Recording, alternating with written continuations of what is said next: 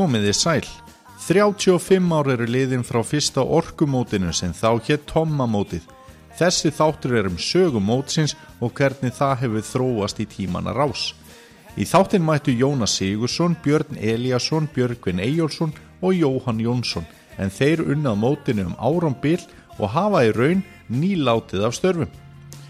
Til gammans má geta að sögurnar hættu ekki að koma þegar ítt var á stopp og þegar rætt var um dómara var riðjað upp þegar Mike Riley sem er á mörgum kunnugur eftir feril í ennska boltanum dæmdi á orkumótinu og meira að segja sinn síðasta leik á ferlinum. Daniel Geir Moritz heiti ég og er þátturinn unnin í samfunn við Vestmanneja bæ. En áður en lengra er haldið skulju við heyra brot úr sjálfmótslæginu en jú, mótið hér líka sjálfmótið á sínum ferli en það var Geir Reynesson sem gaf út þetta lag árið 1995. Jæja, öll við höldum ævintýra leit. Búum í skólum og tjöldum Leikum á grænum reit Við förum á völlin, spörum með köllin Við erum með sigur sveit Á sjálfmóti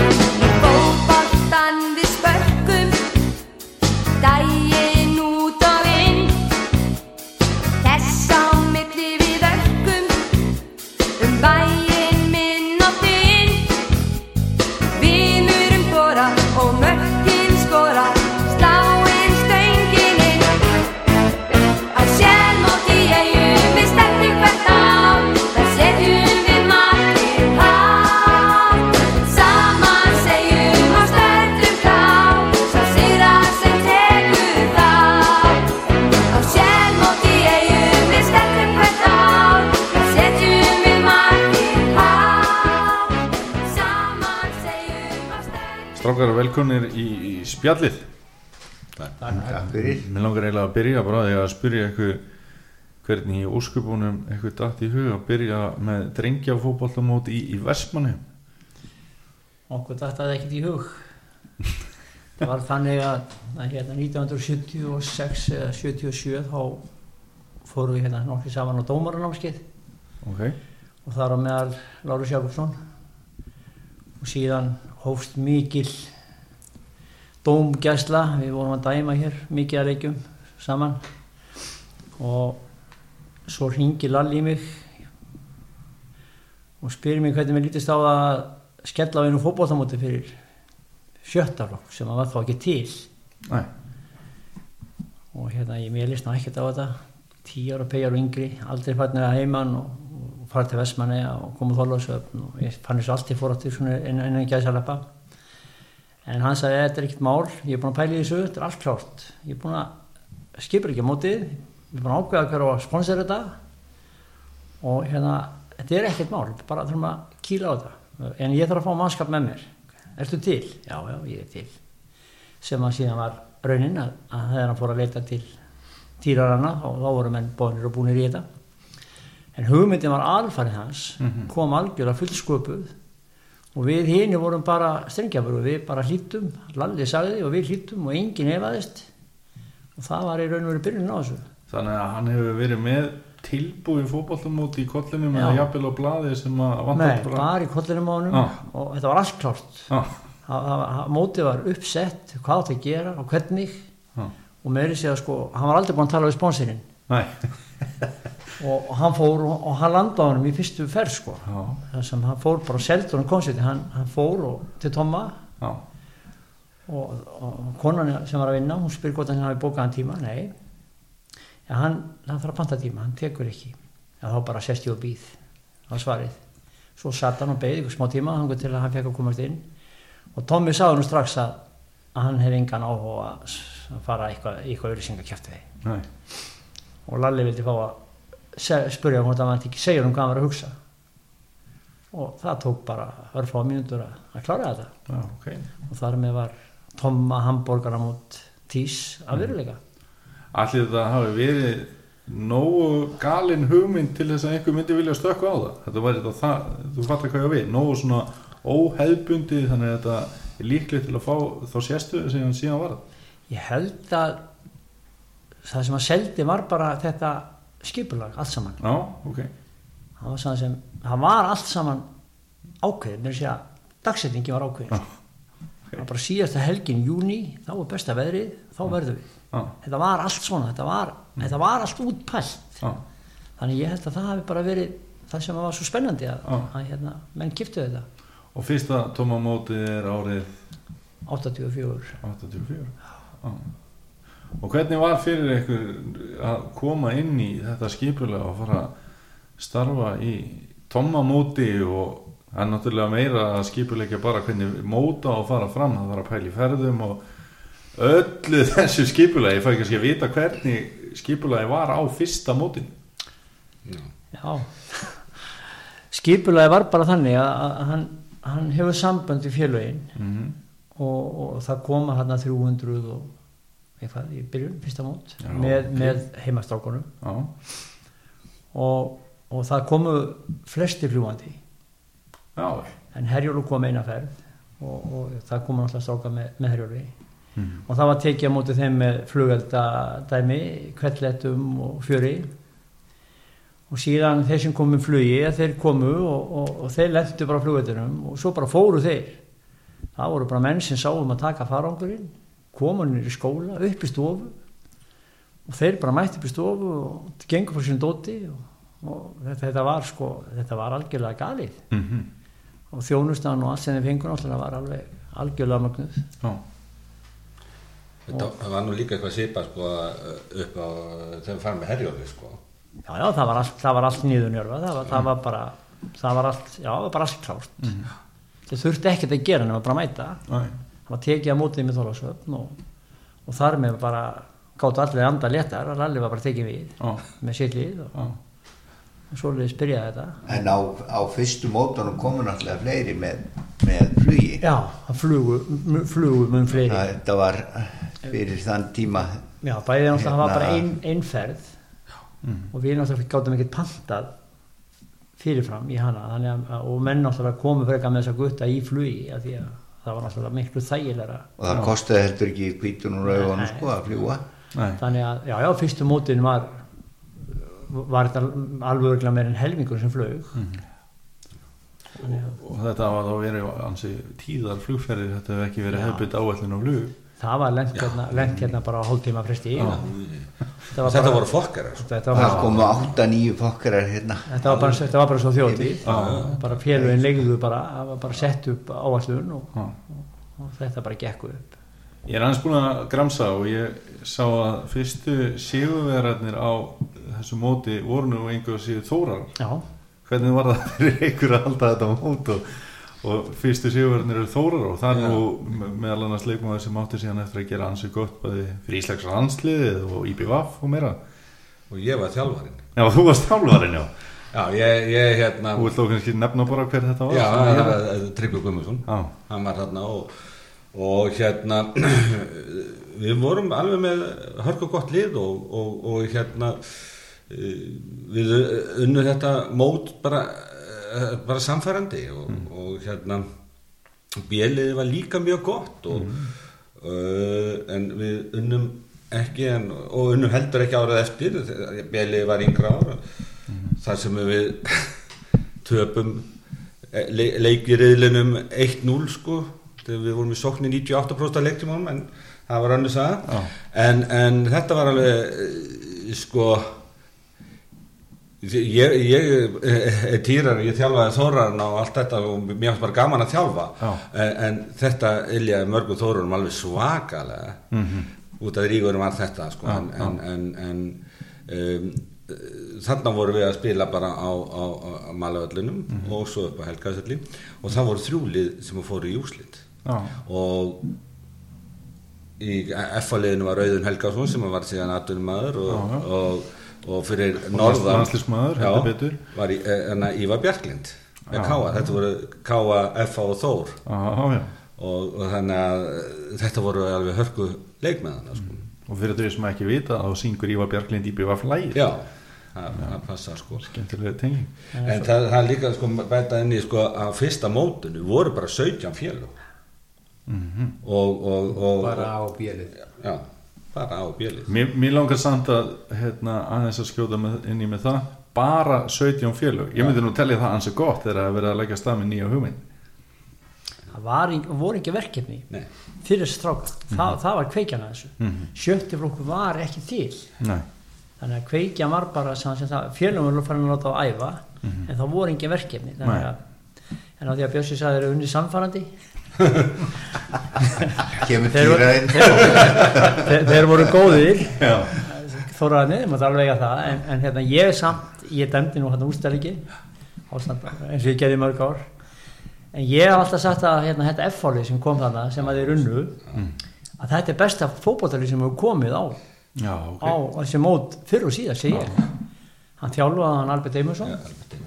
og, og fótbollalega voru þeir alveg rosalega góðir. Já, það er alveg en rétt. Þóraðinni voru sterkari. Já, en fótbollalega voru þeir alveg, alveg ótrúlega góðir. Þeir voru svo þroskaðir og það sem þeir voru að gera var svo frábært. En ég hef, ég hef ekki séð þetta síðan. Nei. nú eigandi Steina Olla var nú leikmaður hann líka? Jú, jú. Já, já, þetta, þetta voru góð lið en, en eins og sé, það er bara fótbollalega voru þeir svo komin svo langt. Já.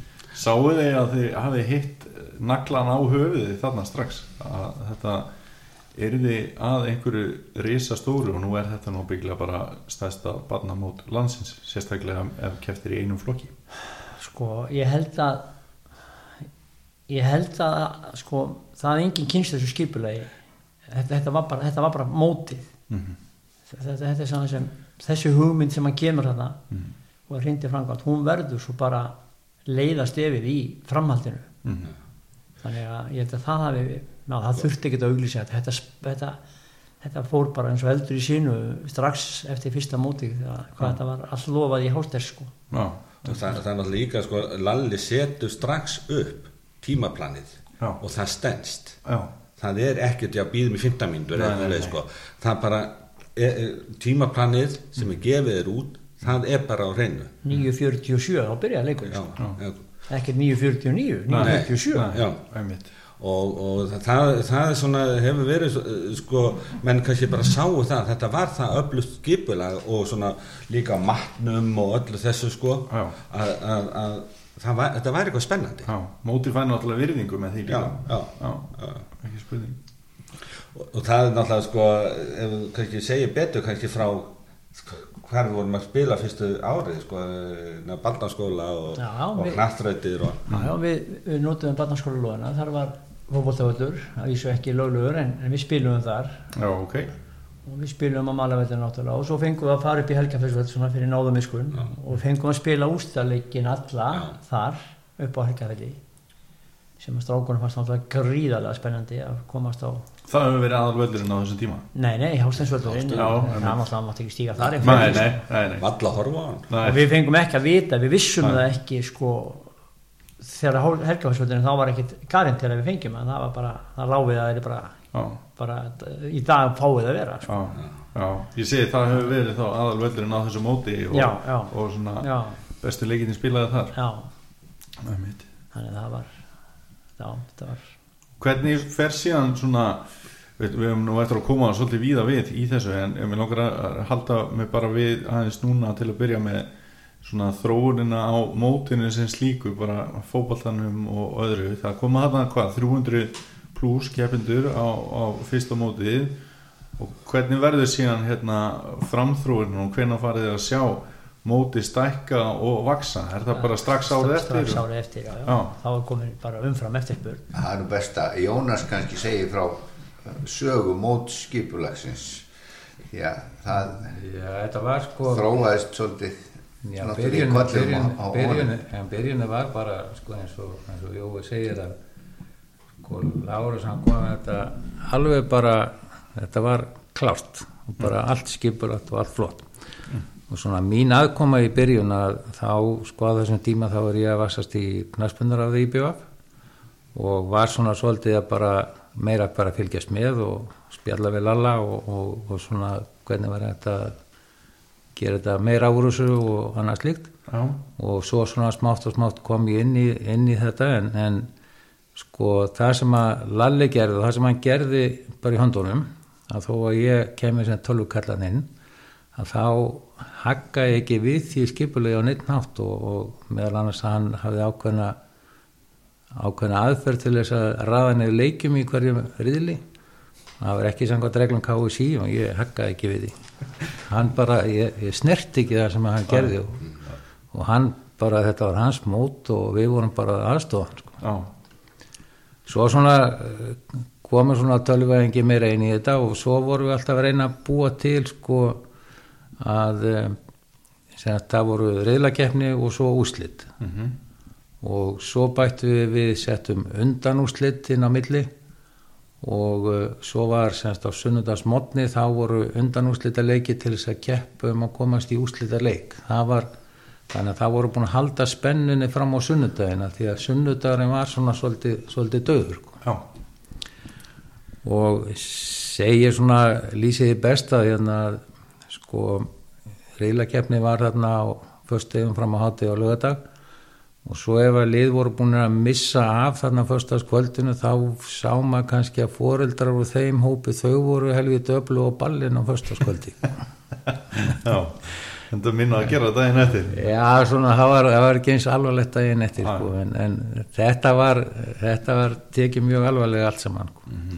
Það var um daginn hérna að, að mér fannst kjánaleg frétta sem að vera að reyna að ala á einhverju tortreikni um að fara stjórar á, á pæjumótinu eða tíamótinu eins og heitir í dag skildu nú fá eitt bjór í, í siglingu.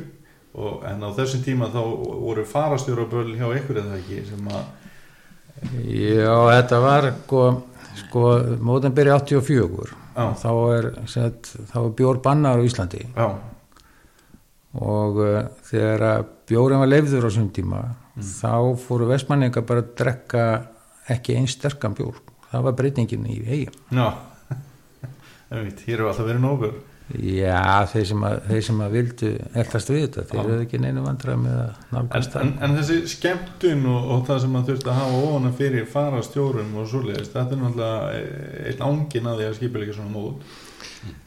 Jú, þá er sko, það sem að er umverulega í svona mótahaldi að, að setja upp fótboltamót, það er ekkert mál, það getur hver sem er gert það. En það sem að Lárus hafði fram yfir, það var að hann var alltaf að setja sko, vildi hafa bíósýningar og rútuferðir og bátsferðir og, og set, hann set, leita á þetta sem karnival sko. Já, ok. Og þá þegar að set, eftir helgina þegar mótið er búið þá náttúrulega sumum gekk vel í fótboltanum og öðrum ekki en það tóku allir góðar minningar með sér frá mótinu og það er styrkleikið þessa móts. Og, og við höfum set, alla tíð þá hefur við haldið í þessa þessa hugssjón og þennan, þennan, þennan þetta verkefni. Og ég hef stundu sagt að sko fótboltamóti sem slíkt, það er Ríkjasúlan og svo er allt karnivali og allt í kringu þetta, það eru jólakúlunar á, einmitt. á, á til þess að gera þetta að, að hátíð fyrir allar. Og það var kannski komaði svona að, að sko, Lárus var sjálfur aldrei neitt mikið í íþróttum. Hann bara var áhuga maður já, ok. Og þegar hann lagði á stað að þá, þá var hugsunni á honum að, að sko gera marga sigurvörum mm. þannig að það var sett upp innan úr smót þannig að litlu félögin gætu hugsanlega unnið, það var svona bara ping-pong fótbolti með böttum og gríðalur hæði og svo var að fara að keppa í húlahopp og hamburgaráti og y- og yfir og stó og hvað þetta hérna alls saman sem var í gangi. og menn, og menn fengur velum fyrir einu ótrúlugtu hluti sko, að vinni limbo sko, Já. og limbo kongur sérmúlsins sko, eða orkum, eða tómamúlsins já, þannig að sko, þetta var miklu meira heldur en bara fótbolt, þetta var Já. bara bara skemmtun. Já, og með það, það hefur kannski verið leiðaljós í allan tíma sko. heldur betur. Og það, það er sko Lalli hann, hann ke- sko akkurat búin að hugsa hvernig hann vildi hafa móti og byggja þetta upp og hann akkurat með að, að, að uh, það eru knattrautir og ýmsaþrautir og það, uh, það var byrjanir í barnaskóla með alls konar þrautir og svo vorum við hann að tísvelli með knattþrautir og það var limbo og það var reiptóg og ég veit ekki hvað og allir voru að keppa ykkur og fá alls konar velun og innanúrsmótin og það var akkurat þetta hugsunin að litlu liðin ætti séns á sko, þú varst, var, varst kannski bara fýtt með sko fjóra leikmenn inn á. Já, þú gast ekki verið í sjömanaboltanum nei, og það var oft þannig að, stór, að litlu liðin voru að vinna stærri liðin. Já, og sko svo er náttúrulega líka sko, hvernig þróa þetta sko að, að Lalli hann var, að- var alltaf með þetta búið til töflur. Svakalega á stóra pappi sko og teikna upp alla riðlana og úrslit og færa þau þann inn. Og maður var stundu til sko þrjú fjóru nóttina að fylla inn í alla þess að töflu með Lalla. En þetta Hann, þetta var hans alveg þegar liði vaknaði daginn eftir þá getur við bara hvernig staðan leikinu hefur farið. Já. það var, þetta var fyrir tölvuöld og símaöld og allt þetta sko svo breytist þetta náttúrulega tölver þegar að Jónas kemur inn og þetta með, með sína tölvu hvernig í þessu, þá breytist þá þurfum hendum við þessum hérna, töflum svolítið út sko. Ég, ég get sagt fyrir mig, ég skildi aldrei töflun á tala. ég var Ég, var nú, fór nú ekki ofta hjálpunum í þetta, ég, ég, ég var nú aðalega bara að dæma. Þegar mótið byrjaði þá var það mitt hlutverk að vera í dómgjastunni. já.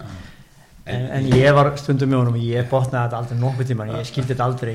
Ég, nef- ég nefnilega lendi sko, ég kem inn í nefndina 86 eða 7 og ég er nánast bara límdur á Lalla sko. Já, endalaus sko að, að, og það er þetta með hlutverk að fylla inn töflunar og, og skrá þetta allt rétt og, og, og það, er, það er líka sko sem hefur kannski haldið svolítið sko þá Lalli hefur gjössanlega uh, hugsað um þetta mót, hvernig þetta ætti að vera og svona þá var svona ákveðin verkaskipting sem hefur alltaf haldist. Já, Ég var ekkert að vasast í, sko, Jói var bara með dómaramál svolítið mikið og var að dæma mikið ég var ekkert að vasast því.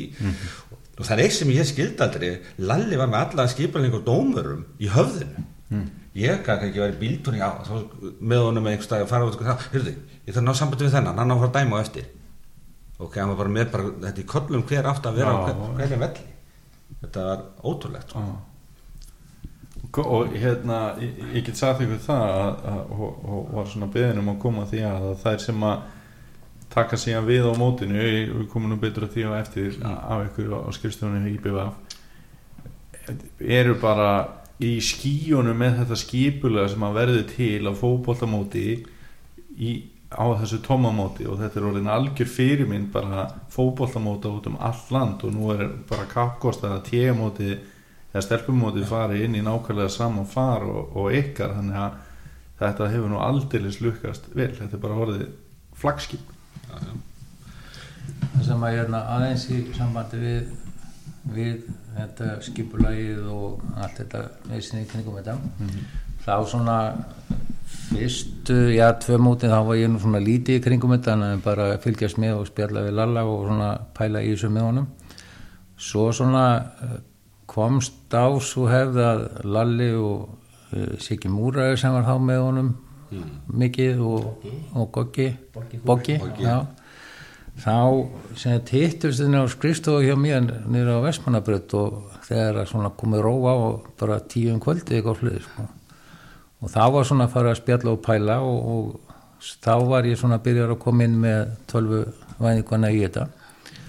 Og svo náttúrulega sá ég að það var náttúrulega miklu betra að ég bara færði skrifstofuna mína út í tíseminni og ég var inn í störtu klefa hérna eitt eða nokkur árum og og var nýri kjallara í, með Moldagólvík og þannig að þetta var hérna þetta var svona byrjun og þá var eins og með þessa töflu sem Bjössi og Lalli voru að fylla út þá var þetta orðið þannig að ég affendi þeim blaðið úr tölvinu og svo fóru þeir að fylla þetta, fylla þetta út sko. þannig, að, þannig að þetta var svona bara virðing fyrir því sem að Lalli, eins og Lalli vildi hafa þetta hún, við vorum ekkert að tróða, Nei, nei, tróða því um þær sko. En af hverju velst þessi hópur saman? Er það bara að þið, þið voru allir virki týrarar eða eru þið asku vinir eða hvernig?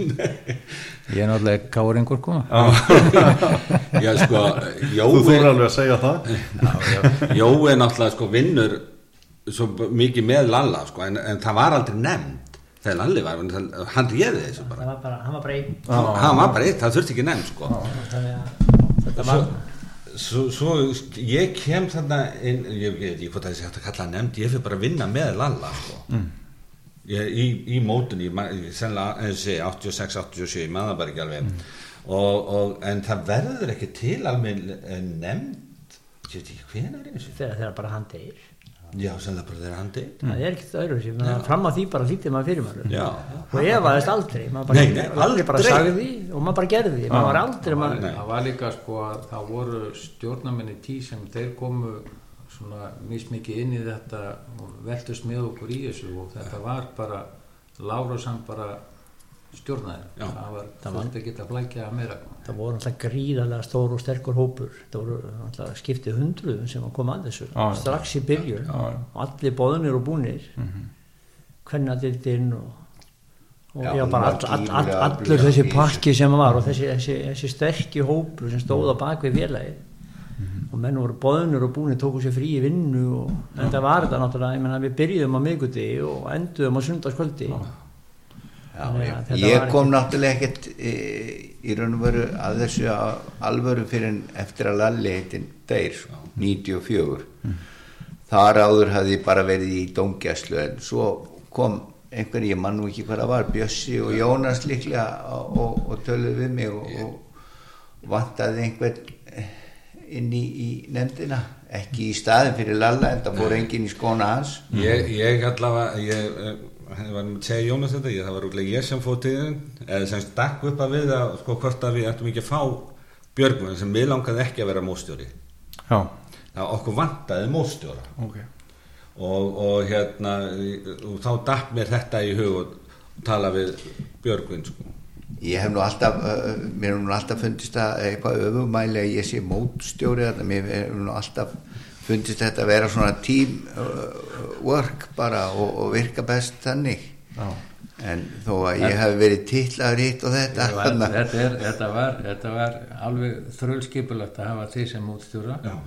þannig að ef það koma kvartanir þá tókst þú við þeim Já, það var alltaf lalli áður en núna var það bara sko ef það komið ykkur svona erfið mál já, talaði við Björgvin, hann er móstjórin Mér langar eða að grípa boltan þarna. Hvaða erfiðu mál svona hafa komið upp eða svona yfir hverju er verið að kvarta ef við förum út í eitthvað mýður skemmtilegt Já, ég skal best að ég byrja bara með þetta. Það var, það var bara tvent á öllum farastjárafundum á fyrstu mótunum. Það var maturinn sem við vorum í vandræði með yfirleitt Mm. og dómgjastan þetta voru gríðarlega hittamál og, og það var þannig að því að ég var að dæma allan ílangan daginn frá mótnandi kvöls að þá fór ég ekki að farastjárafundina þannig til að Lalli sagði þú verður að koma því að þetta er bara orðið þannig að það, það ræðist ekki neitt í neitt, þú verður bara að koma og standa þarna við fram að fólkið og, og svara því bara fullum hálsi. Og þetta voru bara málin sem að voru brunn á okkur. Það var maturinn annars vegar sem fólki kvartaði yfir mjög og hvað, og það var á lítið eða? Nei, nei, bara Gæðin ekki já, bjóðandi? fannst gæðin ekki nógu góð og skipulaði á matnum ekki nógu góð. Það var náttúrulega ekkert í okkar höndum. Við sömdum bara við ykkurum sem átt að sjá um matinn. Já, og það gekk á ýmsu, það verður bara alveg viðkennast við lendum í ýmsu, við fengum oft fínasta mat og, en, en bara staðirni hérna voru bara ekkert undir þetta búnir að, fara þjónusta hérna einhvern 11-1200 manns Nei. í mat. Nei. þannig að það kom upp náttúrulega bara allskins allskins vandræði sem sem að voru sem pyrruðu fólk gríðanlega og kannski af því það var ekki við neina öðra kvarta sko. Nei. kannski var það bara parturinn að þessu að fólk var að kvarta yfir ykkurju og, já, og þarna lágum við svona aðeins já, vel fyrir höggi mm. þanga til að, að grímur kemur kokkur þá breytist allt þá er náttúrulega kemur bæði aðstæða og það breytist bara allt saman já, Það hefur verið 95 eða 6 líklega. já, það er sennilega Ég, eftir, sagði, ég man eftir, það er eftir sko, að Lalli farinn. Fyrsta, fyrsta hérna farastjóra dæmi sem að, að ég tók þátt í að þurft að stjórna að þá var búið að koma til mín sko og vara mig við. Það hérna það eru heilu hóparnir hérna sem ætla bara að fara heim úr mótinu vegna þess að, að hérna maturinn er búin að vera óbóðlegur og, og, og það voru einhverju fimm mismunandi veitingastæðir sem að, að höfðu tekið matina að sér. Ok, og höfðu náttúrulega réðu enga megin við þetta sko, það var verið að hérna, steikja kjúklingana jafnóðum og, og, og svona. Og ég hérna var nú í, í álgjörnum vandræðum sko, hvernig ég ætti að taka á þessu en, en ákvað það bara að, að hérna byrja á að, að hérna standa upp á, á, á fundinum og, og bara taka boltan strax og byggjast bara afsökunar á þessu og þetta væri ekki lægi og við vissum það og, og, og hérna það sljákkaði í ótrúlega mörgum út af það. Já, og eins náttúrulega að lofa betra hérna framhaldi. Og, og hérna þetta gekk allavega þetta mótið en, en við settumst niður eftir, eftir þetta mót held ég og ákvæðum það sko við verðum bara að færa þetta á eina hendi því að, að, að hérna, veitingastæðinni hver, hver og einn þeir ráða enga megin við þetta. Þarna var líka mikið um það að fóreldrar voru að koma í matin líka það ekki sem að hefur nú breyst? Nei, það, það, það var reynd að stoppa það strax. Já, en við höfum það svo sem búið að reyna margar útfæstur á þessu. Já, og það, við höfum alltaf koksað á því dæmi. Mm, við, það er bara eitthvað sem við ráðum ekki við af því að það var svo erfitt að áalla matinn. Mhm, akkurat. En sko, að því við erum að tala um að þetta verið mest um mat sko, ég ætla að taka það fram að, að þetta fólk sem að sá um matinn hérna var Nei, nei, nákvæmlega. Það, það var yfirleitt var maturinn allt í lægi en það komu bara álastíma sem við bara réðum ekki við Nei, þetta nei, nei, nei, og þá, þá, þá kom þessi óana þetta var kannski einn hópur en hann var þá náttúrulega alveg bara gjössan á insöðinu og allir hínir auðvitað ránaðir að þá þannig að svona þegar komið Já, þetta í já, skil að ég, algjörlega. við erum alls ekki að rakka niður fólki sem að nei, nei, það sá voru allir að reyna að sko. gera Já, sitt já, besta sko, það er ekki það sko. bara staðirni voru, voru hérna bara ekki með Já. þeir réðu bara ekki við þennan fjölda.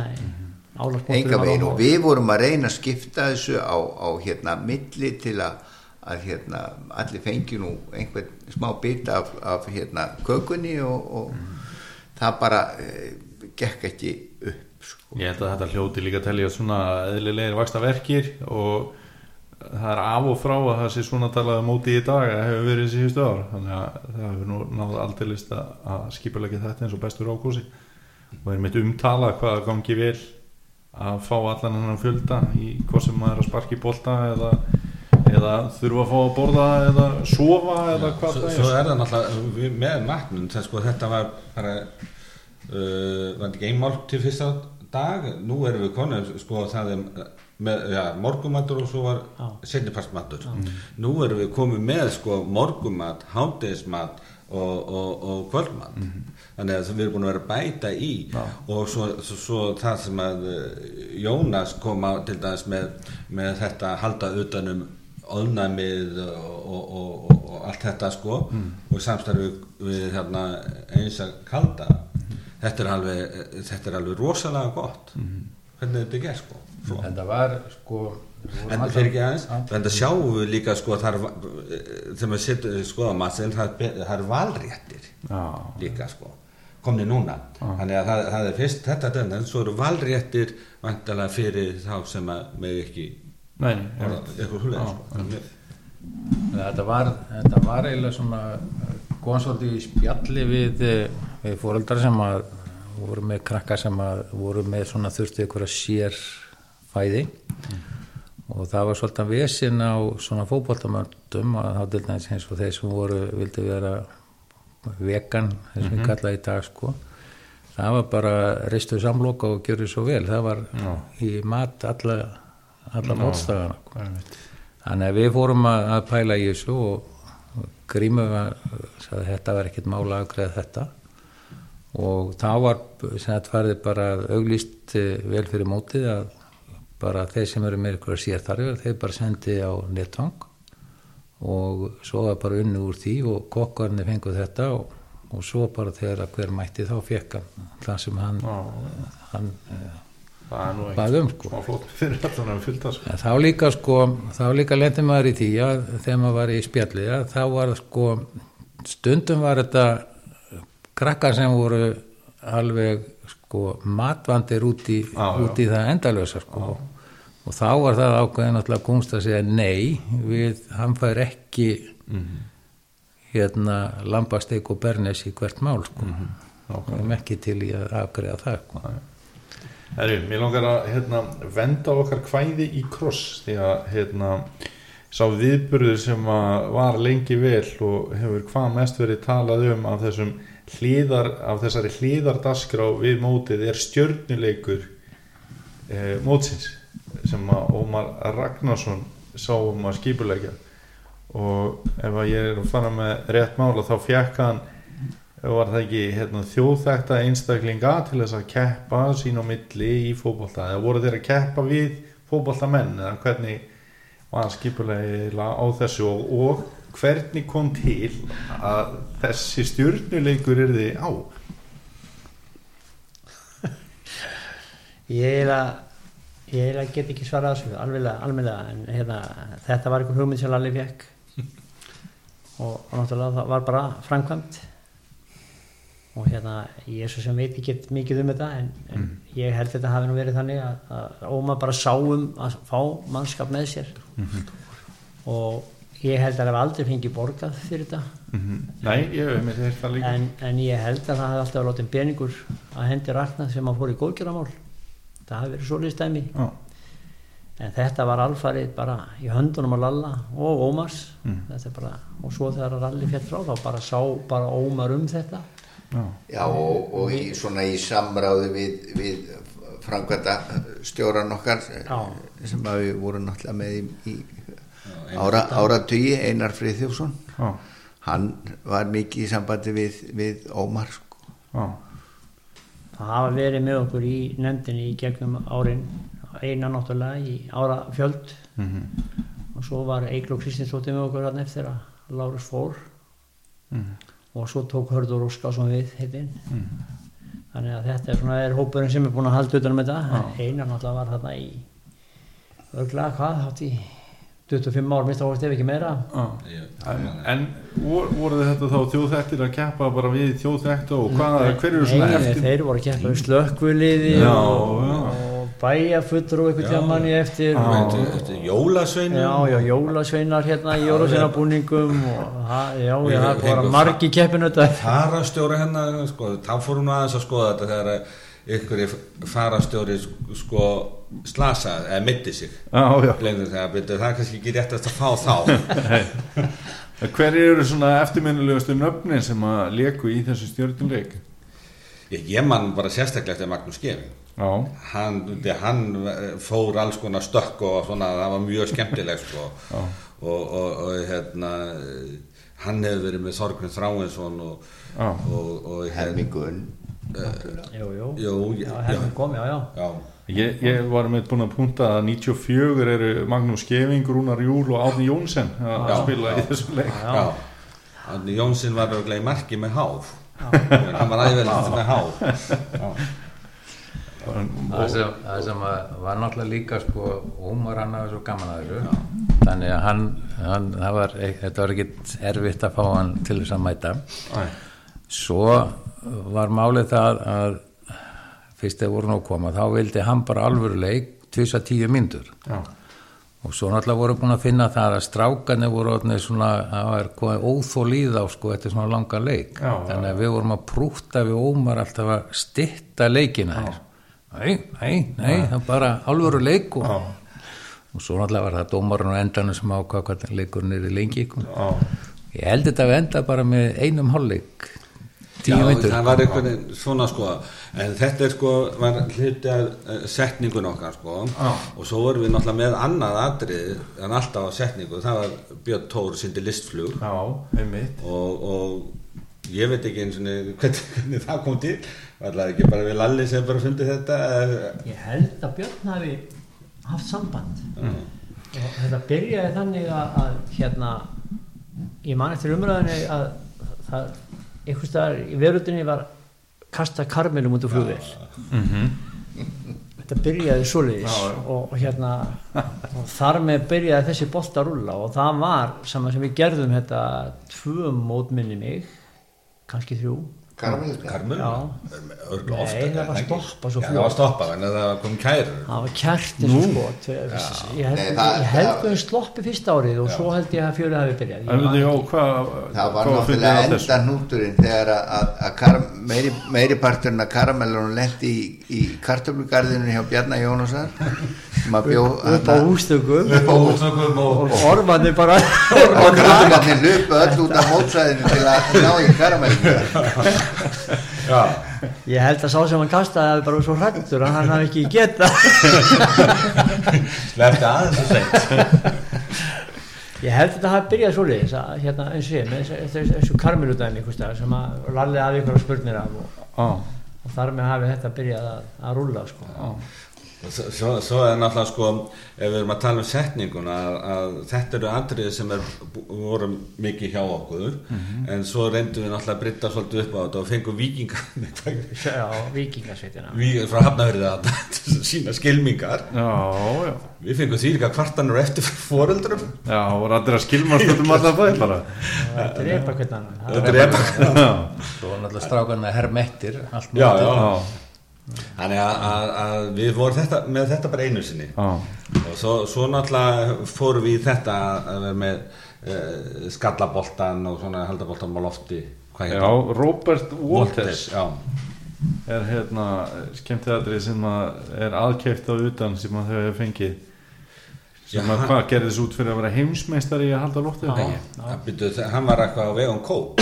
Það er Já. það er búið, búið Coca-Cola við vorum ekki kost nei, við vorum ekki kostan en það má alveg, já, vera þannig. Já, en, en sko, svo fengum við Abilheitin, hann var mjög góður að halda bolt á loftu og hann var með síningu setningu já, Já, markmaður í hann, bíó hann átti þann til þegar hann var í dómgæslu líka sko.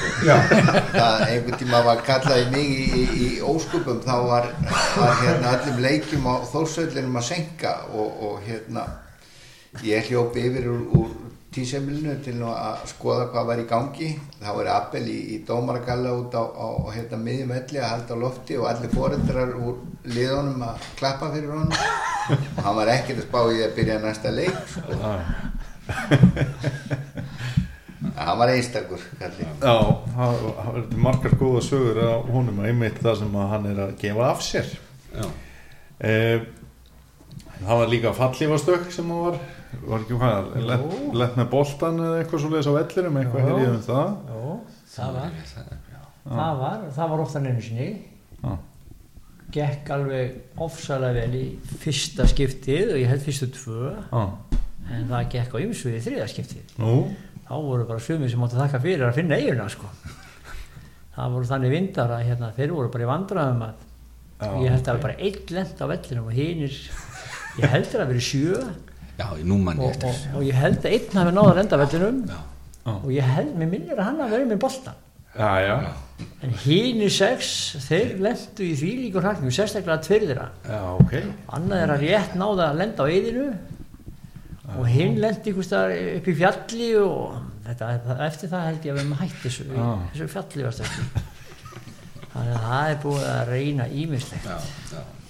Mjög gott En það, já, fyrir En það sem að, það sem að kannski pælingi var alltaf sko, í sambandi við mótið og náttúrulega þegar var að undirbúið þetta það var að vera með eitthvað sem var sko starra og meira heldur en krakkarnir eh, gáttu svona upplið á annar staðar sko. og þá til dæmis eins og þetta flug hjá, hjá Byrni Tóra það náttúrulega þetta var ekkit venjulegt að, að sko, fá hann til að vera í láflugi hérna yfir og í svona djöfulgangi sko. tala nú ekki um þetta Karmelukas sem var náttúrulega alveg meira áttar. Mikið sýnt að þetta eitthvað. en svo, svo er náttúrulega svolítið skrítið að við náttúrulega vorum alltaf í ákveðnum svona uh, svona núningi við KSI að því að KSI vildi sko bara, sagði bara það er búið tilkynna Hásteinsvöld sem leikvöll og það er bara eitthvað völlur og svo bara leikinni settir á. Þeir voru ekkert að pæli þó þetta væri á í kringum sko orkumótið eða tommótið eða hvað það var sko. Já, og svo lendum við eins og í því að það er byggarleikur í kvennaboltanum á Hásteinsvelli. Það var IBF og Breðablik og við vorum með setningun upp á Tísvelli sko. og þær voru í byggarleiknum á fullu.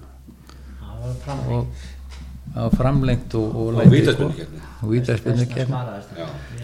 Við við, við, byðum alveg Býta, svo hérna að sko, svo var það sem að gerist í þessu það náttúrulega var alveg óðurkallinn að hann kemur sem sagt að norðan dempi sér niður í dalinn og kemur svo þar út í láflugi rétt bara manni finnst tjólinn bara rétt vera í sko slámni á, á vellinu yfir völlin allir leik með frjósa nema einhverju tveir, þrýr sem að vaða upp og skora sko. þannig að þetta var þetta er náttúrulega þetta var ekki, verður ekki endur tekið En þa þarna var sko, við vorum alveg búin að býða, við fylgdum þessu með að sko, að, að uh, fara ekki skrú, með skrúðgöngun á stað fyrir en sko, ég held að það verið setni hálfleikur í framlíkingu, eða eitthvað hulið sko. Já. Og, en svo erum við bara kominir á völl og, neða, framlíking var bara okkur að byrja og, og það er vítaspinni keppni og var, þetta var bara, Já, með- Björsjum, verður þetta ekki þannig að sko, þegar við lögðum á stað, það voru í rúsling klár já, það var líka svo já. bara gerðist bara eitthvað stór merkið þarna í restin á leiknum Já, sem að já. snýri leiknum gjössanlega við og þar með, þar með hrundi Alveg rétt, alveg rétt. Já, akkurat. við vorum búin að býða heil lengi já, já, og svo var þetta munaði orðið þannig að við heldum að þetta væri nú bara búið og, og lögðum á stað Já. sem við höfum kannski betur aldrei gert. Æ, og það hafa verið þokkaleg viðbriði að vera að spila fótballtaleik og vera með lísflug bara Já. nánast í hárinu. Já. já og lúðra sveit og allt þetta fyrir ofan og það er að spila grein þetta var, þetta var skerfilegt En Mér langaði að spurja hérna að því þú myndist á, veður og vinda að það hefur væntalega einhver tíman eitthvað gengið á þegar var verið að halda þetta mót Jó, Já, ég- ég, sko ég maður er náttúrulega orðið það gammalt að, hérna, þetta rugglast einhvern veginn allt saman. Já, og þú kannski sér því að þú varst ungu þú varst alltaf á stöpúsum og já, já, allt sumari sko. Ég reynda að bjó fyrir austan það var alltaf þannig það. Í, mínum huga það. er þetta svolítið líka mér, mér finnst einhvern veginn svo fyrsta, þre- fyrstu 13 mótin hafi bara verið sól og blíð allar daga. En ég veit núna að það er ekki svolítið en það, við vorum alveg óstjórnlega heppnir með veðri fyrstu, minnst að fórstu áttamótin já, ok. Ég get alveg staðfesta, fyrstu áttamótin fengum við blíð upp á hvern einasta dag. Já, ég er alveg pottitt orðið þessi áttamót en hvað gerist eftir það er kannski farið aðeins að rugglast en, en hérna það, það, vissi, það var bara þannig að fólk var bara að fara að stíla inn á þessa helgi af því að þetta var bara það var þetta ganga góðu veri. Mhm. þannig að svo hefur náttúrulega reynt á. Það getur nú ekki að hafa verið gott veður 84 á fyrsta mótinu að annað eins regningasumar hefur ekki komið hérna. Jú, Það það Þá var hafið þið hitt á einu Já, helgina ég, ég held Það var nefnilega, nefnilega nefnilega sko, eins og segi, ég, ég held ekki alveg stæða á þessu, fyrstu áttamótin hafi verið blíða upp á hvern einasta dag. En er eitthvað sem er sérstaklega minnist þetta sem að veðri greip í taumana með leiðilegum hætti? já, já, Já, það er náttúrulega kannski Jó og Jónas geta sagt frá því betur en, en, en við lendum náttúrulega í því að, að, að þegar á förstu degi þegar við búum innan smót klukkan þrjú að, og erum fara að spila úti sko það var því lík blíða fram að þrjú sko. Og, og hérna síðan bara breytist veðrið og, og það verður rigning og, og austan brjála stöðu sko. við, en auðvitað þróskan í okkur við útskildum við spila að fara að spila og, og við spilum eina umferð. Og búin hálf fjögur.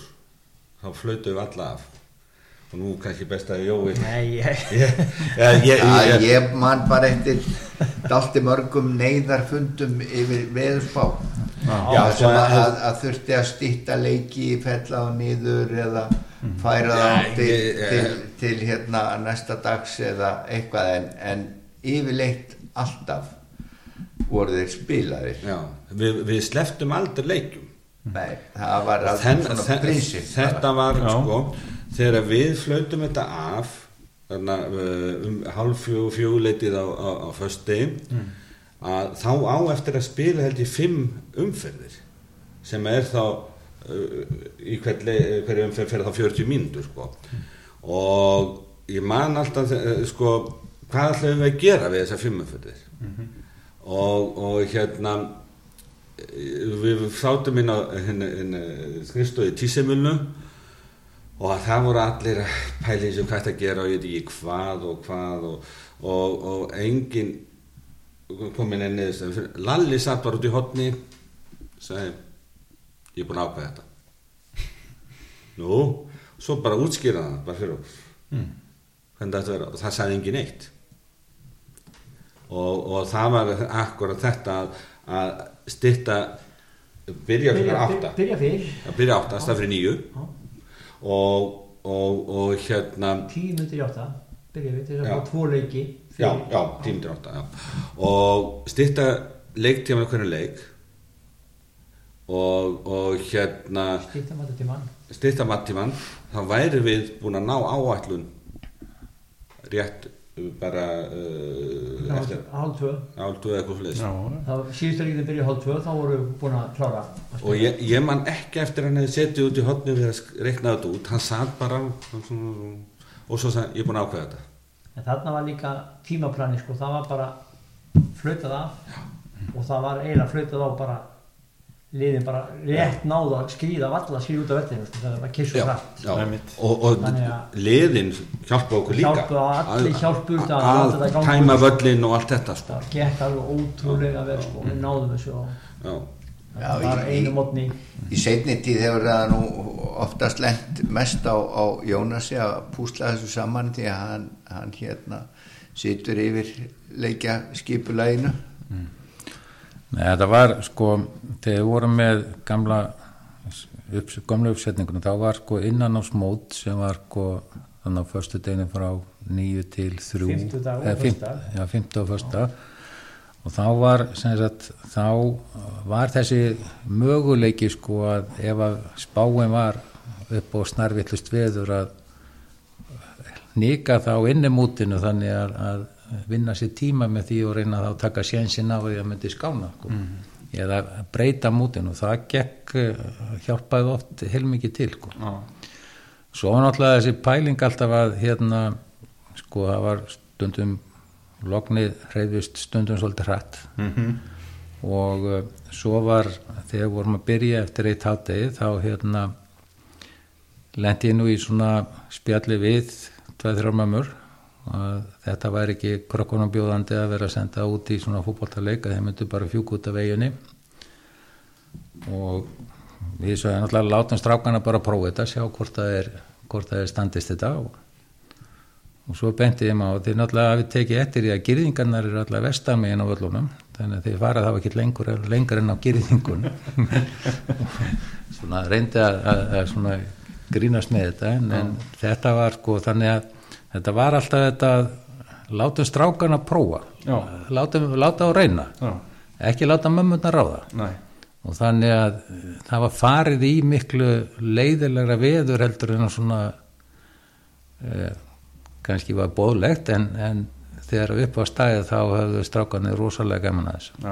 Að og svo náttúrulega, hvað á að gera? Ég meina það er náttúrulega komið allir þessa leið til þess að spila þessa leiki og, og vondum að mömmu hjartaði sem að já, er nú yfirleitt alltaf mjög gott en ef það myndi taka á þeim þá þá upplifin sem þau komið til að njóta sko. Jú, þetta, er, þetta er líka sko að sko, það sem er náttúrulega einna styrkleikjum mótana hérna, það er að við erum hérna á eigu og við erum með þetta verkefni já, og þó þú farið í fílu þá ferði ekki í burtu. Nei. við erum að klára þetta. Já, og það hefur hjálpað rosalega til að halda fólki á móttunni sko. því að það er náttúrulega veit það að það væri sko ræðilegt að vera í einhverju djöfisins fílu hér og, og komast ekkert í burtu sko. en, en ég hérna sko Lalli notaði þessi aðferð þannig með til þess að ná áallun ég lendi í því eitt ári eina ári sem ég séð um stelpumótið, það er hérna káá mótið. Og þá er svona skýta veður og, og mikil regning alltaf flotti og ég fresta öllu leikum bara talaði við allan bara millir 7 og 8 við byrjum ekkert. Og ég notaði nákvæmlega sem aðferð já, auðvitað til þess að ná áallun ég byrjaði klukkan þrjú og ég var búinn að ná áallun halv átta. Já, bara nákvæmlega sömu aðferð sem að Lalli hafði kent okkur en aðrum aður þannig að, að, að þetta er möguleikin líka í, í, svona, í svona stóru skipulegi svo náttúrulega líka sko eh, þetta, við notum þetta núna í nýja kerfinu sem við núna, þá er sko það sem var, það sem við raunverulega þegar við breyttum þá hendu við öllu. Það fór allt út, allar þrautir allt saman. Og síðan var svona eiginlega þeir sem að störfi við mótið segja, heyrðu ég vil fá þetta en getum við ekki komið þessu inn? Og ég, þetta er mitt verkefni og svona þannig að þá þróast þetta í bara alveg nýja útgáfu okkur. Og þá gerum við þannig að fullorðnir spila eitt leik sem er 90 myndur og þá sem að settu við dagskamtin í fókbólta 90 myndur og svo lögadeginum og þá þurftum við að hafa úrslítalegi þannig að við þurftum að láta spila fjóra leiki.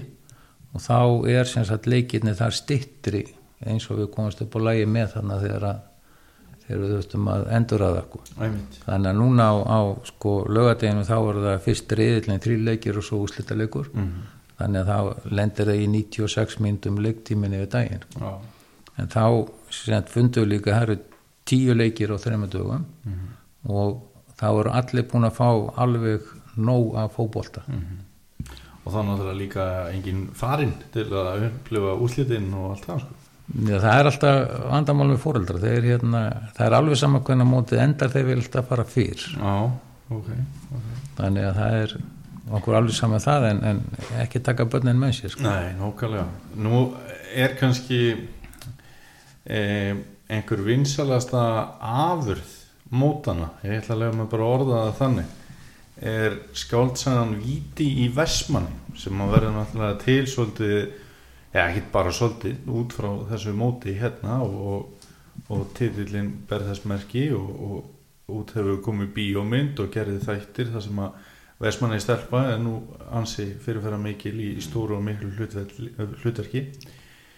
Hvernig var svona fyrir ykkur að, þetta fótboltamót ykkar að vera svona komið á kvítatjaldið og að þetta sé nú svona dramatísk barnamynd, ekki beint bara um fótbolta og, og, og, og svoleið?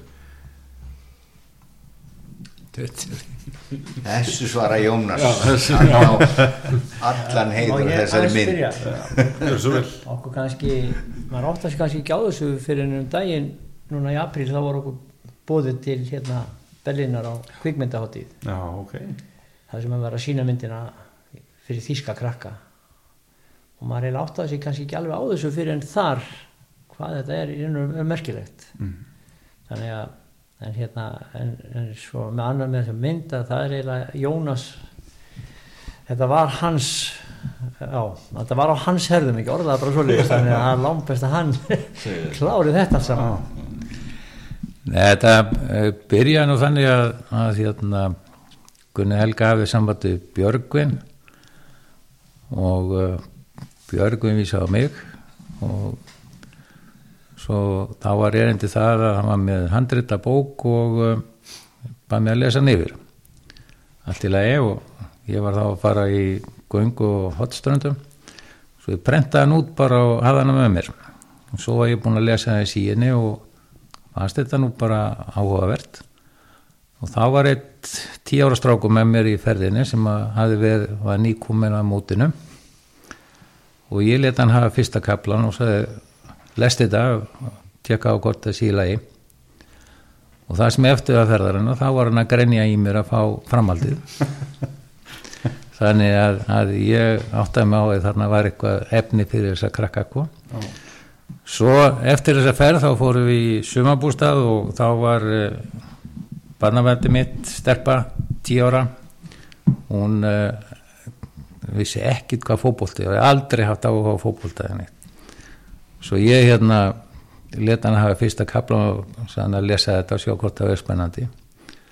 Og hún var svolítið frekar en strákurinn þannig að hún endaði með að hafa út um mér alla bókin og lesa hana. Og uh, frábær bók og þannig að þá vissi ég að þetta var nú gott verkefni það sem að mér tekið kannski vest með þetta að stelpan er núna komin aðeins eldri ykkur en hún er samfærð um að þróttur sé bestalið í heimi.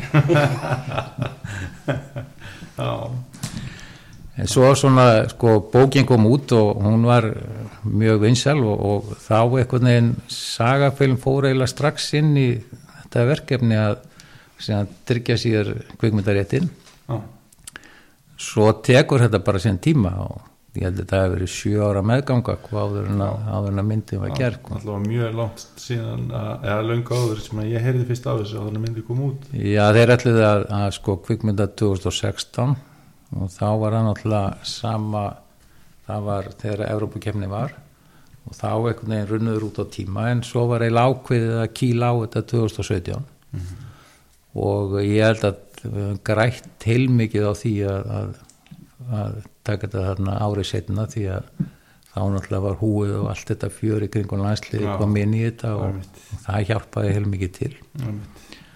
og uh, það sem að var kannski lagt upp með í upphafi það var að þeir voru að velja krakka til að taka þátt í myndinni að þá voru þau búin að skoða einhvern hellingafótboltamyndum með krökkum og þá var annarkort að krakkarna gáttu leikið eða spila fótbolta.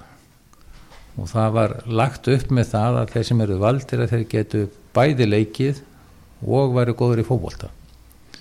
Þannig að þetta var svolítið flókið að, að ná þessum hóp, leikara hóp saman sko. síðan var náttúrulega sögutráðurinn að það voru þarna ákveði leikættari sem þurfti að komast í skíla og þá var Gunni Helga þá að setja hann upp bara leikkerfi í, í fyrir liðið. Að þeir áttu bara að gefa hvernig þeir áttu að gefa og hvernig áttu að fara upp völlin og svo var þetta klift saman þannig að þetta var reyn seria sem að, sem að gekk alveg upp. Þannig þetta var svona mjög samfærendi fannst mér í, í myndinni sko. Já, einmitt. Og gekk þetta samstarf bara snuðru laust og, og Já, þetta var, þetta var mjög gaman að, að vera í þessu því að sko þegar ég kem að þessu þá uh, voru hérna ræða við hjá sagafilm og þeir voru svona voru ekki alveg vissir hvernig eigamenn myndu taka þessu. Og það sem að ég gerði eiginlega var að sko selja sagafilm að þetta væri flott fólk í eigum og þetta væri ekkert máli að allir myndu aðstofa það og þetta er, þetta er sko leikur einn að gera þetta í eigum svo náttúrulega þurfti ég að koma út í eigar og segja eigamönnum að sagafélum þetta væri flott fólk og gaman að vinna með þeim. Og, og þetta gekk mjög vel sko. Þetta var eh, bara ótrúlega vel sko. haldið það skipti máli fyrir mótið að að hega svona heimild? Svona sögulega skálsögum Já, þetta er sko það er ekkert annað mót í heiminu sem á svona heimild. Mm. þetta er volið einfalt. Einmitt og þetta er bara flott saga þetta er landslægi hér í eigum er flottur rammi fyrir þetta verkefni og þessi, ég held að þessi kvikmynd hún komið til með að lifa lengi. Já, samfæðan um það Það er líka gríðaður bóðskapur í.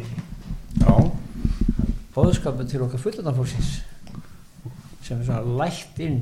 Þegar ég horfði á þessa mynd þarna, fyrsta skipti, að ég var svolítið snortin af því hvað þeir voru að senda, fannst mér sterk skilabóð til okkar með svona vegum bassins, þetta er svona svipað eins og við sem erum verið í þessu. Þegar við erum að velta fyrir okkur einhverjum breytingum, þá þurfum við að vera tí ára. Mm. það því ég geti að vera 50 að pæla. Það, akkurat. þú er eiginlega að fara inn á 10 aldurinn er þetta því að þessi þeir vilja. Og mér fannst það í þessari mynd mér fannst bóðskapurinn að hann sló mig rosalega. Þannig að mér fannst þetta að vera miklu meira miklu betra heldur en ég nokkuð tíma þóra að vona sko. En það er sko, Jónas hafði þurft að hafa svolítið fyrir því að samfæra mig. Nú, Já, og það, hann talaði, ringdi hann í mig og talaði oft við mig og, og hérna, sko ég var svo bara svo upptekinn af mótinu. Já, já. Að ég vildi ekkert einhver kemur og myndi trubla Næ, það sko og, og, og, og svo náttúrulega sa- sendi, samfærði Jónas mig alveg að þetta, þetta myndi alveg ganga upp og gærir og ég segi um þetta og allt þetta og, svona. og, og svo náttúrulega bara var ég sendur úr landi. Já, Nei, var, ég var með handbóltalið út í Barcelona svo að kvipindatakkan geti gengið. Nei, það, það ég, ég- eftir á ég er alveg hjartalega sammála Jóa í þessu sko hvað myndin, þetta er svo vel gert og landslægið og mynda þetta er svo frábært og upplifunan út í Berlín á kvipindáttiðinni, það var alveg magnað. Ég sá um þetta að það eru komin í Styrlansar og ímislegt á húsi og Hartmanni og bara ágætt fyrir myndina það var ekki búið að gera það þá þegar það kemur alltaf rosalega vel út í myndinni. Já, þetta var, þetta var sko við fór með þeim hérna að leita tökustöðum og þá var sem sagt þá var kom húsið að Hartmann mjög fljótlega upp í, upp í hugan þetta væri akkurat húsið. Og uh, ég ringdi ég ringdi hann og spurði hvort þetta væri lægi og, og þá var hann held ég út í Sviss ekstar frí og hann sagði já, eru það var nú að mála húsið fyrst. Já, og þá bara nei, nei, nei, nei, nei, nei, nei alls ekki, alls ekki. akkurat. Og þannig að þetta passaði akkurat eins og, eins og það var hann. Og náttúrulega gaman að þetta hús hefur nú áður verið notað í í eigum eins og margir þekkja. En hérna í sambandi við sko svo kvikmyndatökuna sjálfa þá hérna þá sko var þetta raunverulega vinna allan veturinn að pæla með þeim. Og þegar við lögum á staðum hausti þá var þetta ekkit alveg nelt nýður hvernig þetta gerir þetta. Nei.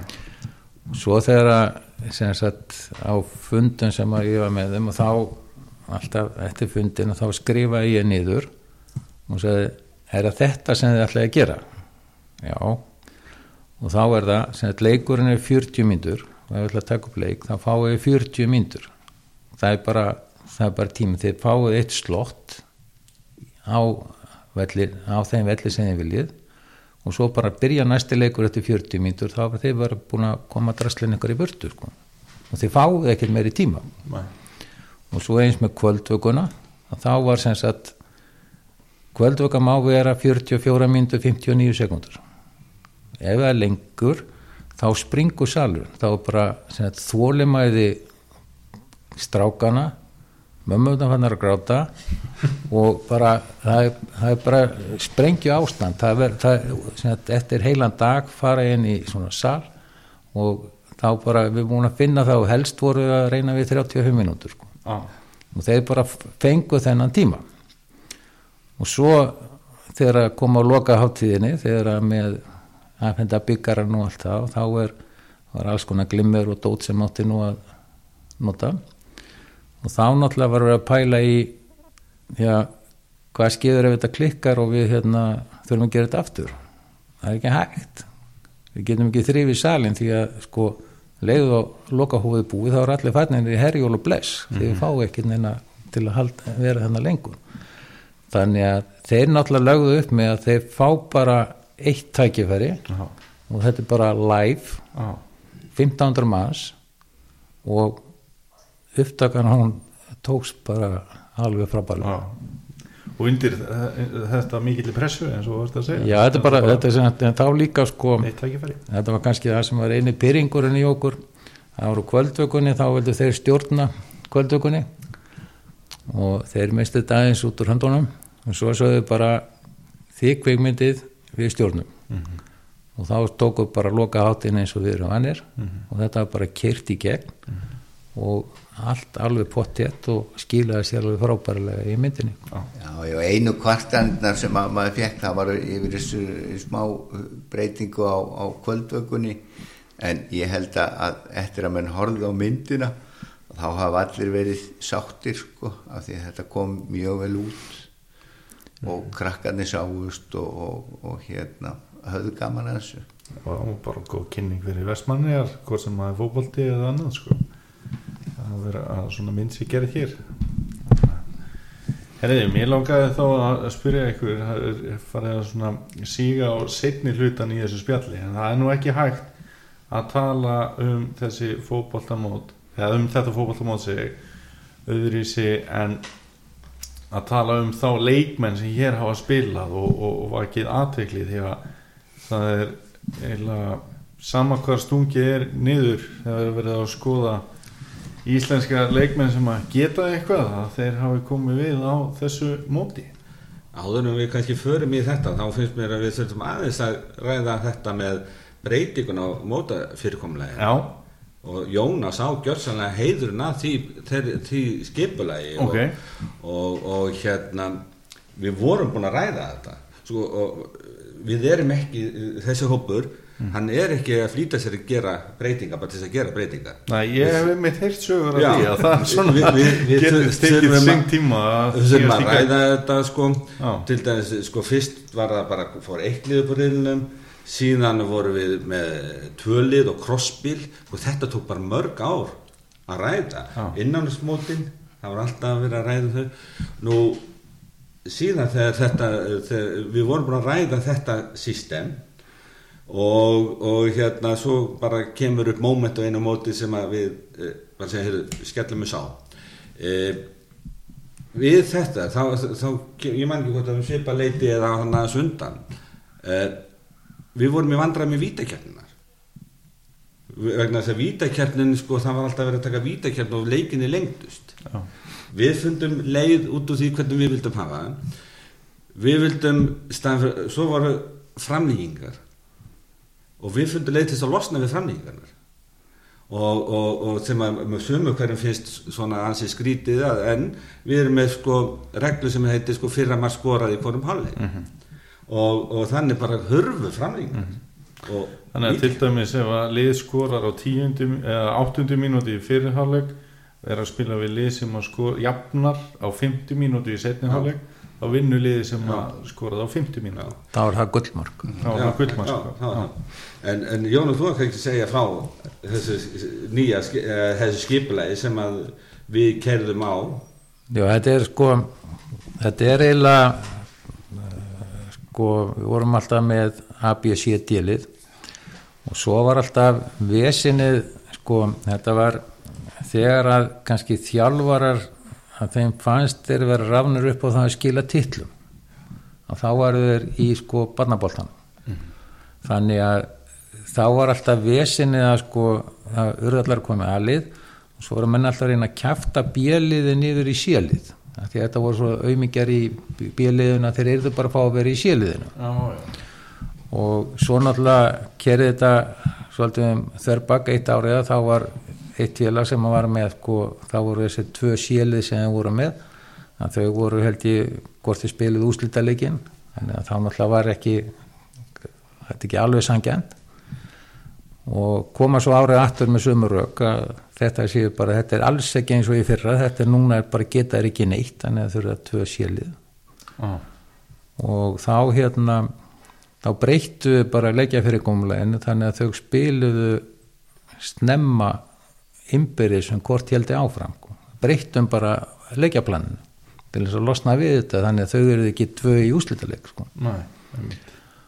Og það náttúrulega var sprenging allt í leið með það og það voru svona fundir það sem þetta ræða, ræða við fóreldra hópana og uh, svo uh, hvað það voru hvað tveir fundir eða þrýr fundir og svo á milli funda þá satt ég inni við tölvuna og teknaði upp þetta nýja kerfi. Og svo kallaði ég Björsa nokkru sinnum og spurði hvort þetta væri hægt og þetta væri hægt og svona. Og, og svo áður en að síðasti fundurinn lauka þá var kerfið tilbúið sko. svo um veturinn og þá sem að rúla ég bara með þetta í gegn svona bara á tekniborðinu að sjá hvort þetta gengi upp og svona snirti til.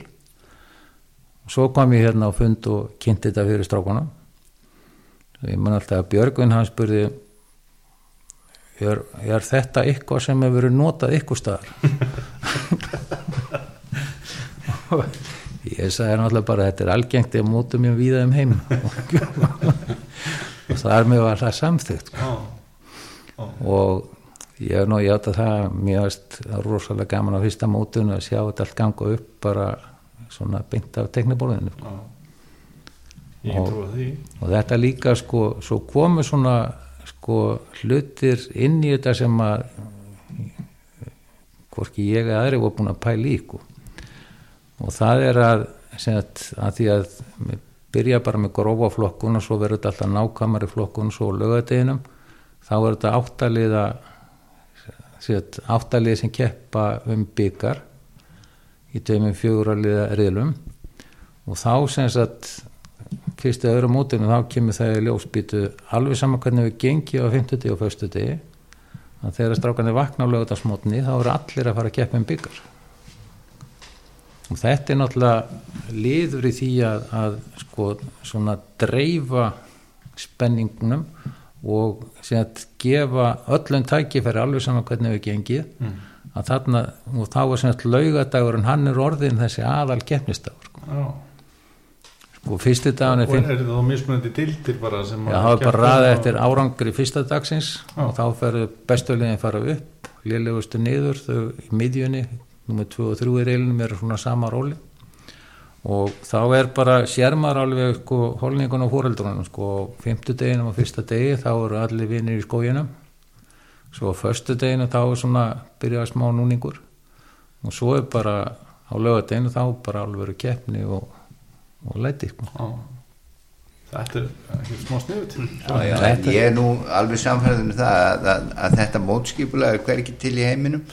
Ég, en, en hérna það, það segir það ekki að, að það sé ekki gott sko því að, að ég held að, að það sé fleiri og fleiri mót einmitt og ég hef verið spurður um það erlendis hvort að, að hérna megi nota þetta kerfi Já, við hefum gert það, sko, ég, við byrjuðum með hérna á internetinu bara með heimasíðu og það var mjög fljótlega sem var bara, þetta var ekkert algengt að vera konar heimasíður þegar við byrjuðum.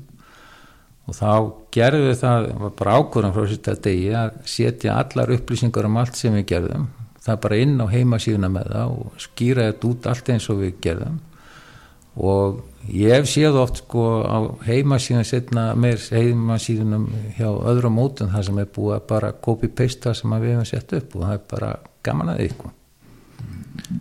en hérna það er sko það er það er einn sem er búin að einn aðeins sem er búin að herma eftir þessu móti en mér finnst þeir hafa klúrað í það er Júfa þjóðamótið þetta er bara sjálfmótski orkumótskerfið Já, ok Já. það er ekkit flokknur en þeir eru með sko í efsta flokknum eru bara þryggjaliðariðlar í staðin fyrir við erum alltaf með fjóra liða og hvort það er til að minka álægi á sem bestu og það allt saman sko. Já.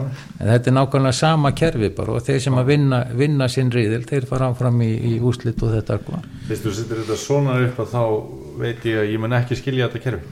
Ég hef aldrei bóknað neitt í þessari en það, það er alveg sko við höfum uh, verið svolítið framalega í svona þróun sko, eða svona leikareglum hérna sko það, það byrjar á því sko að, að þegar að um, við erum með reglu færri mörg á sig Já, heldur en fleiri mörg skoruð. Þetta er spurning hvað fer inn í töfluna það er líka, er líka sko, þetta kemur að því sko, eftir fyrsta mótið þá voru, voru leikjar að fara 18-0 og þá var sem sagt, þá sá við þá var að keppi kefli hinnaliðan að, að skora sem mest á mótið sem liðlegustu og þá setti Lalli þessa reglu við bara, það er pluss þrjú mörg hann, hann setur regluna eftir annarmóti en Þetta er líka. þessari reglu.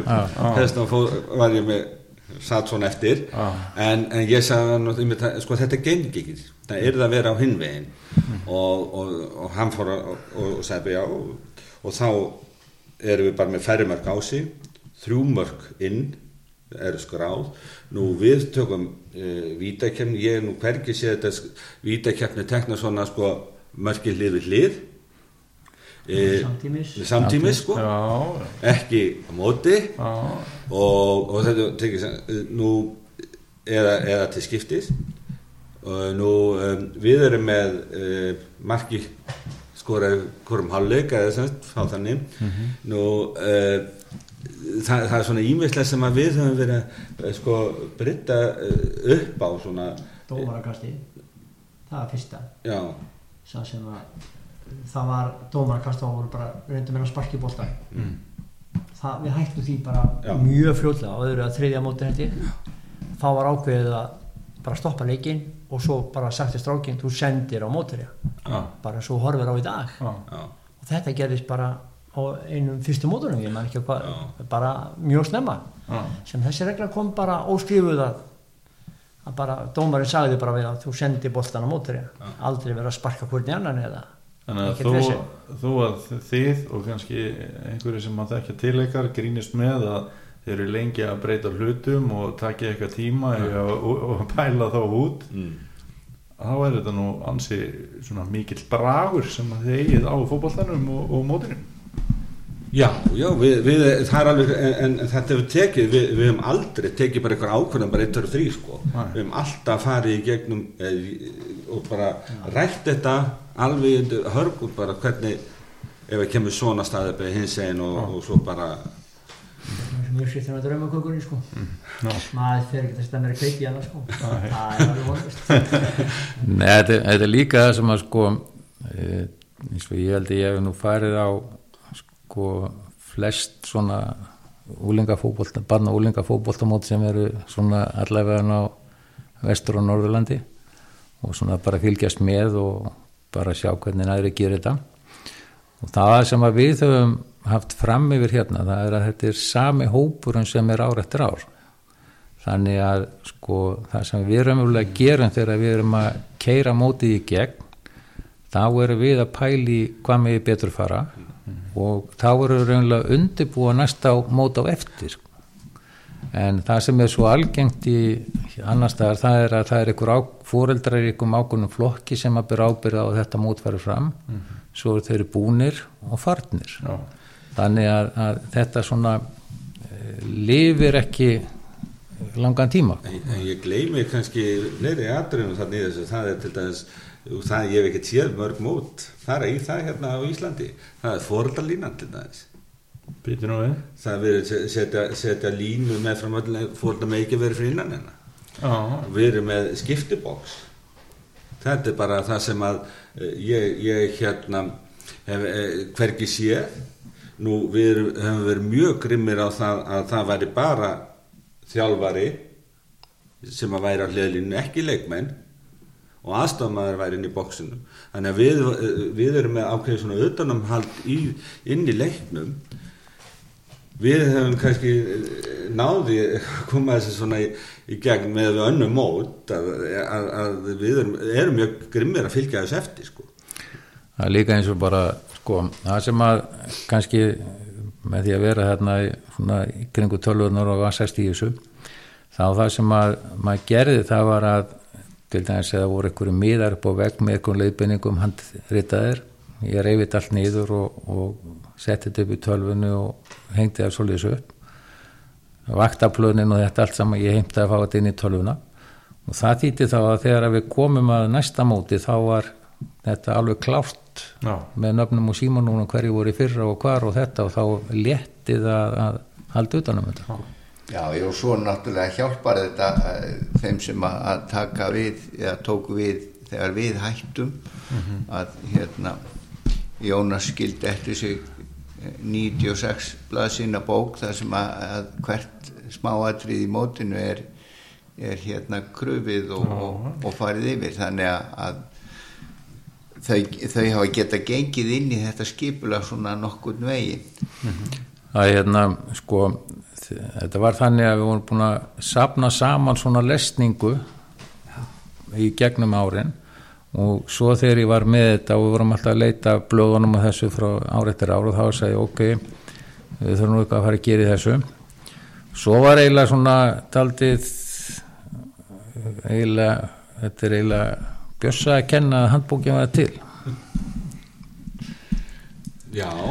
Það letti, lettir í smá veikindum Já, og ég, ég lendi náttúrulega uh, í, í 2009 þá fær ég heila blóðfall litla heila og, og hérna e, og það það merkilega ég man alltaf þegar Jónas var að koma og upp á Reykjavík og svona, ég myndi alltaf eftir öllu mótun öllu saman sko. það var saman hvað var reyndur að fletta upp í mér sko, sko sem ég var búin að gera marga oft en þá dættir þetta í hug sko, þá, þá, tók, þá tók ég bara allt þetta sem við áttum til og bara ræða þessu upp í handbók og handbókin hún svo líka sko sett inn úrslit allara mótana frá það sem við höfðum. Myndir úr dagblöðum svona fyrstu mótin til að sína svona hvernig þetta byrjaði. Og þetta endaði einhverjum hvað, hundar síðum. Já. og þetta fór bara á netið og þeir sem vilja eru með önnum út, þeir getur bara farað inn í þessa handbók og pikka út bara það sem þeir líst á og tekið upp, það er okkur að minna lausu sko. Já, Sko, það er náttúrulega líka, það er ekki bara inn á knaspinavellinu sem að við erum verið að- breytta upp á eins og nýjungu. Ég meina sko, þegar, að- þegar að við förum tölvuvæða þetta, við förum að setja upplýsingar svo mikið á netið, það er við erum með svona bók á blæðið og dag, ekki gleyma aðdagsfréttum. Segja ég frá aðdagsfréttum. Byrjum, byrjum í byrjari, það var eiginlega það var eiginlega þetta byrjaði þannig að, að hérna við vorum með hérna fréttir og dagskrá sem var gefna út hérna í eigum og þessi blöðu myndust aldrei á mótin. Já, og um, ég einhvern tíma var að ræða þetta mér fannst þetta nú er alveg frétta efni, það væri nú alveg að svona geta þess og það væri viku setna Mhm. en það er einhvern veginn svona fóraldri inn í mótið og þá var eiginlega hugmyndin að bara ok, já bara gefa út bara dagblað sjálfur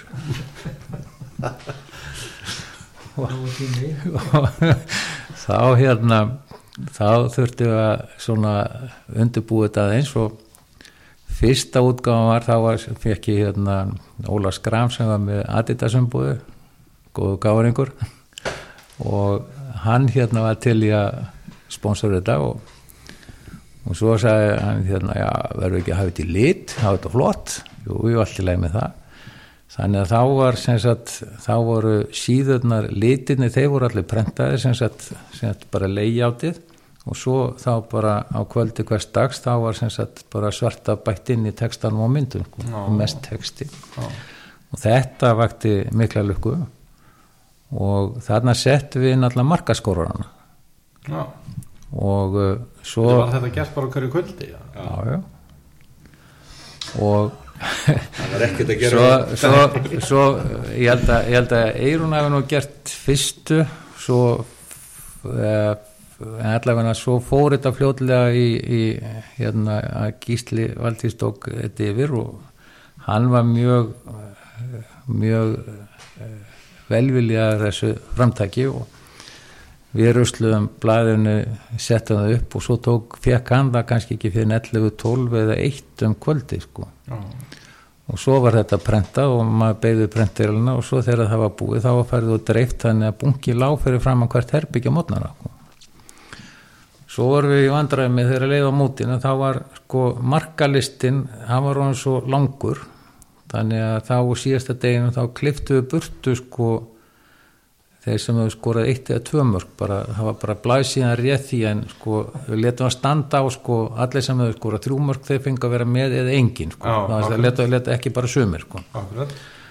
Og þá sögðu þjálfara mér að, að, að það var fleiri neitt sem að hefði fengið þá fyrirsput hérna að því að markið hans var ekki í blaðun í dag hvort að það væri nokkuð tínt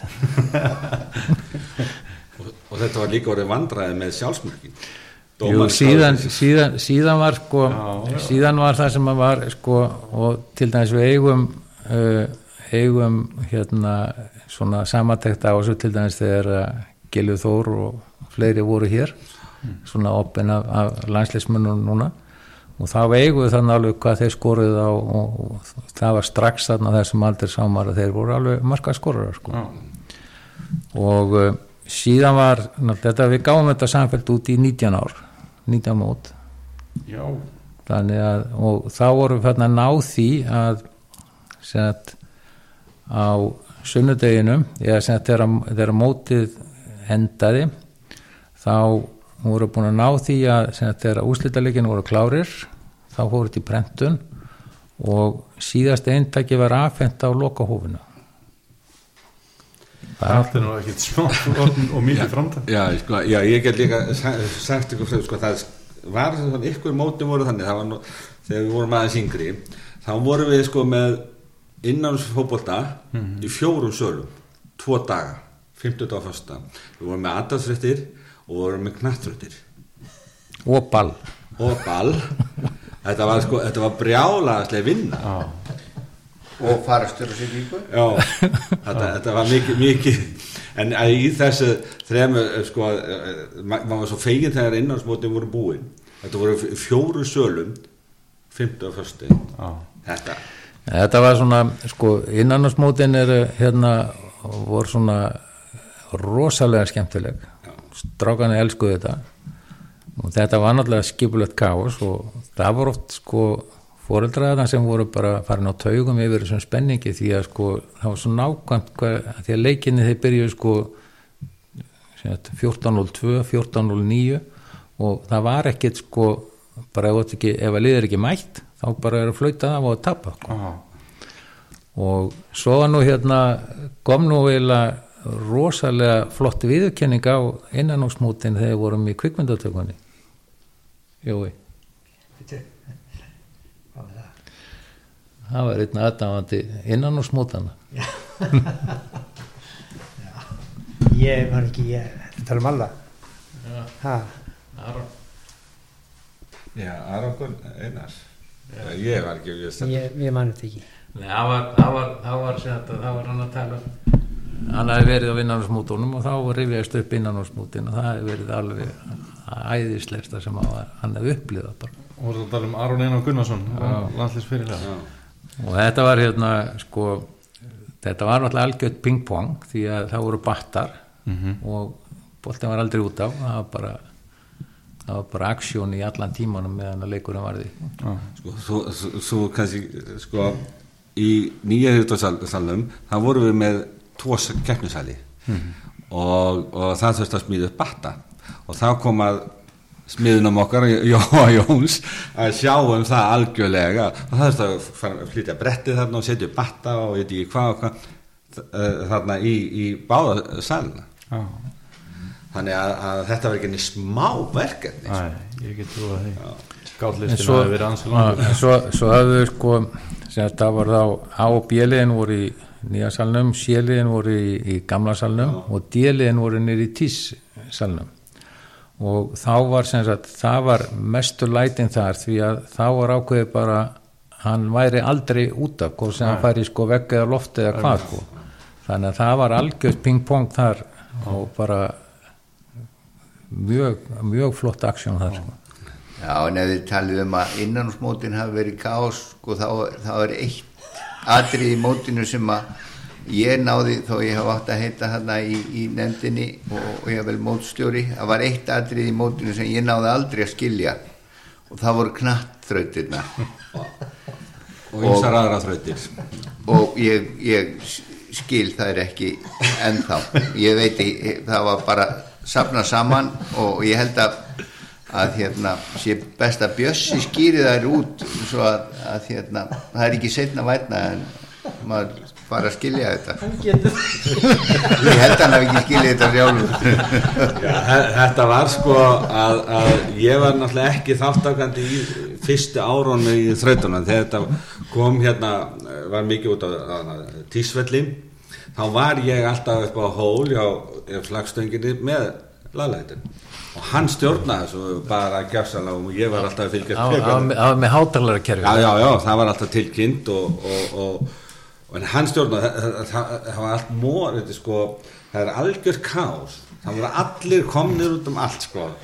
og hérna uh, jú, jú, svo rekkur hann frá og ég, þá þurfti, tók ég þetta að mér fekk, uh, fekk annað með mér og, og þetta bara, var bara kás en einhvern veginn náður maður að klára þetta Ég var samt alltaf eftir þessu þegar hann var að byrja á þessu.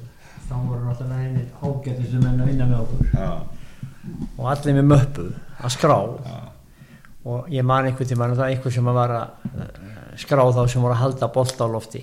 Og hann var að telja. Hann taldi hjá hópnum hverjum einasta manni hvað oftar ég Já. boltanum á. Og þá var nú, hættu við því og fórum að taka tíman. Já. Breytum því að sá sem var þarna hann var orðin svo klikk bara að þetta var alveg sko einu sem var það var, var höll, einu sem farði við þetta inn það var alveg magnað Já. út að veri. Þá fór ég og stoppaði þá.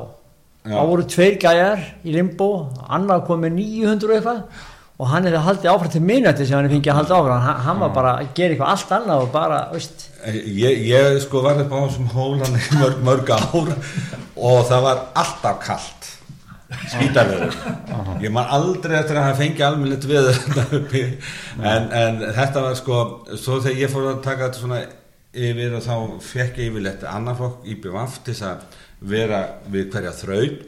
Og ég, þeir mættu hálftíma áður og það var bara hrein aldrei að segja frá tímanum. Þetta er bara leind og svo bara skiljið bara möppbónum og við förum yfir það. En það voru að koma upp ímis vandræði út að fóröldarnir voru að taka tíman einhver staðar, einhver staðar og, eða telja og það var eitthvað já, það var svona ég taldi og ég, þetta var vera svona eða, þannig að, að þetta það, það, og líka fóröldi að koma að segja sá sem var við þrautina hann sagði að var þetta verið tímin en, en, en, en hérna við erum með betri tíma. Svo var náttúrulega meira áttar skriffinska í kringu þetta allt saman að- skrá fyrirfram alla leikmennina í, í, í hverja þraut og, og svona. Ég verð að segja það að, að hérna, ég var afskaplega ánæður þegar við hljóðum þetta. Já, sko, þegar, þegar, þegar við, við breytum mótinu, sko, förum, eh, stoppum að lögandi, breytum mótaskipila, eða mótinu sjálfu, þá erum við akkur að ræða þetta með innásmótinu og þrautinar. Og, og það var þá bara ekkert annað í stöðin, en bara setja þetta allt saman það var, það var sko það var reyn, svo við sáum eftir þrautunum því þetta var náttúrulega ákveði mikið og svo, svo var hérna svo endan við því að það var bóðhlaupið á setningunni og þá voru reglurnar alveg skýrar og það var látið vita eftir fyrirfram að það er sem, dómarinn sem dæmir og það þýðir ekkit að þrasa við dómaran það er ekki tekið mark á neinu og það þýðir ekkit að vera að koma eitthvað vídeo upptöku að því að einhver annar hefur á undan. Bara, og það var sko, sýnir kannski spenningin og æsingin í þessu sko, það voru vídeovélar bara í gangi til þess að tekka á því hvernig gengi sko. Sko, þetta, það gerðist náttúrulega einu sinni þegar við vorum með setningu á hástasvelli og það var bóðhlaup að, að hérna það var ákveðið lið sem átt að unnið og það var, menn voru ekki þess aftur við verðum að fara heim til Gísla Óskar til að skoða upptökuna. Hann átti þetta. Hann átti þetta. Hann var að taka við já, og, og hérna eftir þetta settum við inn snakkpoka til þess að sko þetta lið sem átti að hafa unnið það, það við- Það hljópa einum færri. vildu meina að vera einu færri. Vildu meina það. Vildu meina það. En þess vegna settum við snakkbókan inn til þess að það er bara tíu snakkbókar í og þú það, það bara hérna uh, ef þeir klárast ekki þá hefur þú ekki unnið. Æ, þannig að við nettum þetta en, en við örðum að fara að skoða vídeóksum en það var bara, bara leiðindi og háaði út af já, þessu. Ég hef mitt heyrt talað um þetta snakk hlaup Þetta er forveri var. Heyri, mér langar samt að hérna þeir eru búin að nefna einhver svona nöfn en með þessa fótballtamenn sem hafa komið hérna við á mótunum muniði eftir einhverjum sem að vöktu kannski svona sérstaka aðtekli það sem að uh, lág kannski í augum uppi að þarna er þið langur fótballtaferill eða farsætla baki með að við framistu á móti hér? Ég, ég get sagt, sko það var ekki langur fótboltaferill en sennilega svo be, uh, best, einna betri leiknum það er bróðir Kolbjörn Sigþórsson, það er Andri Sigþórsson. Já, hann var svakalega góður. Já, káringur Kolbeinn var nú hérna markakókur tvö árið.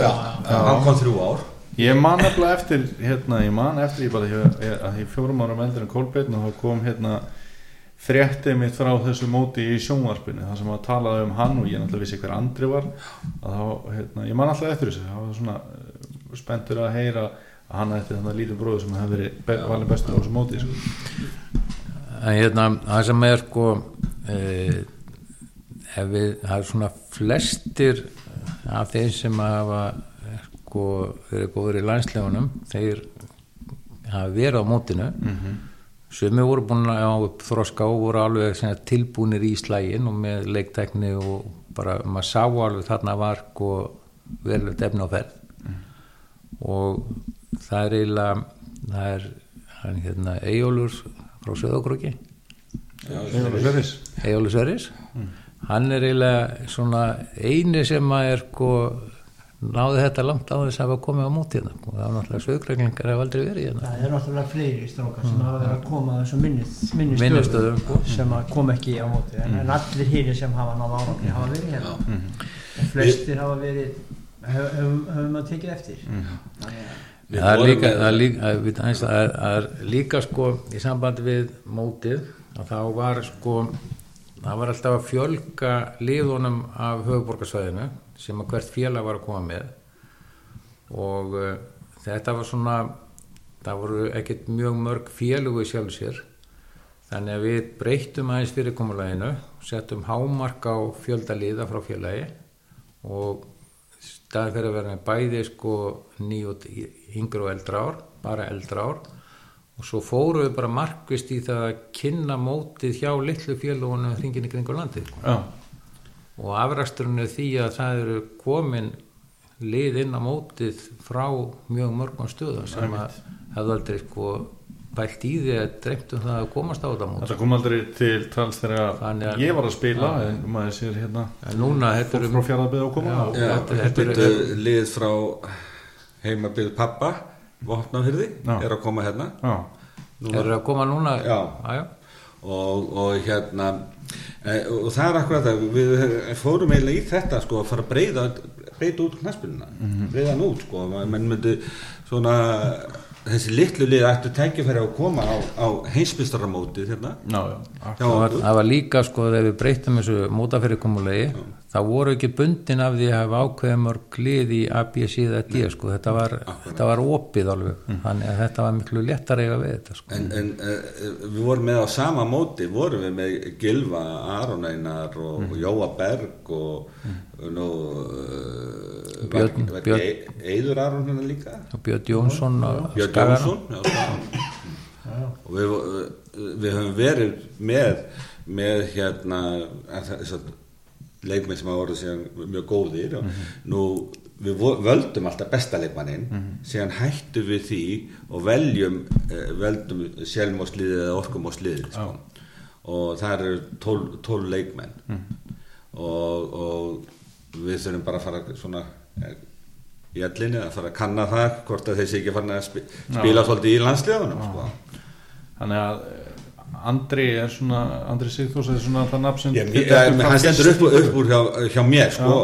Eh, það er náttúrulega margir mjög góðir eh, sem hafa komið Eyður, Mári og Já, já. Ar- Ar- Ar- Ar- Já. Viðarsson Arnar Viðarsson Já, já. og, og hérna þeir voru á sama móti hérna. Já þeir voru saman móti já.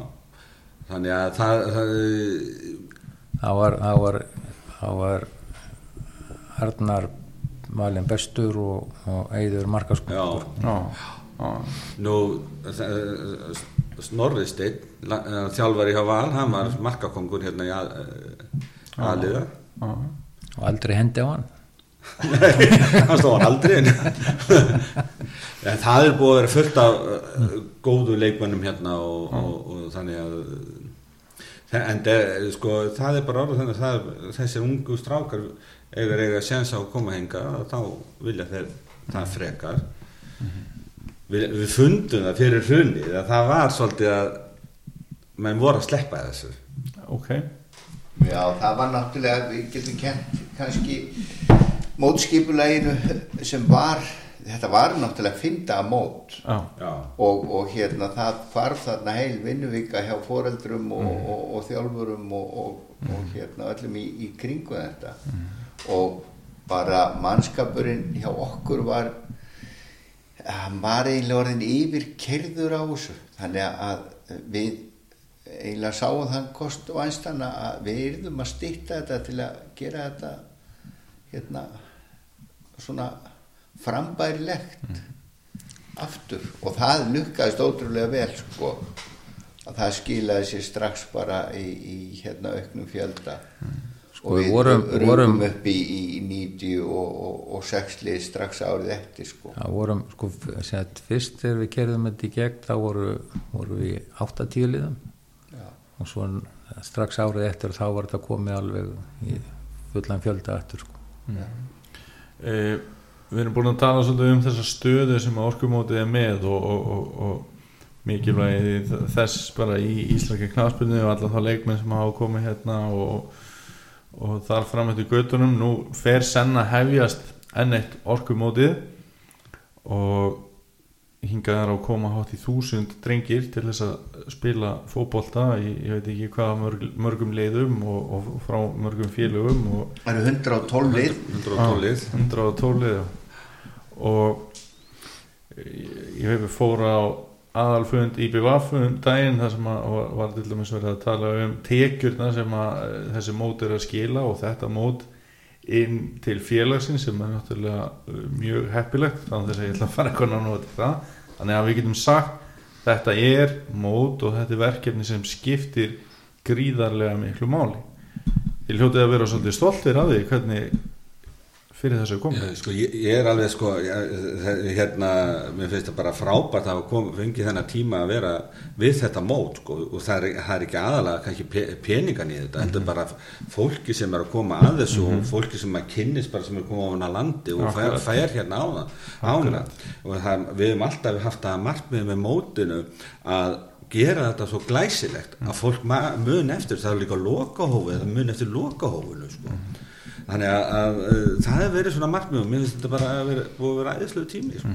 Já, ég hef nú alltaf litið á þetta mót sem svona samfélagslegt eh, verkefni hérna í eigum og, og það er, eru náttúrulega ekki bara við sem getur verið stoltir að því heldur bara samfélagið, eiga samfélagið svona í heild.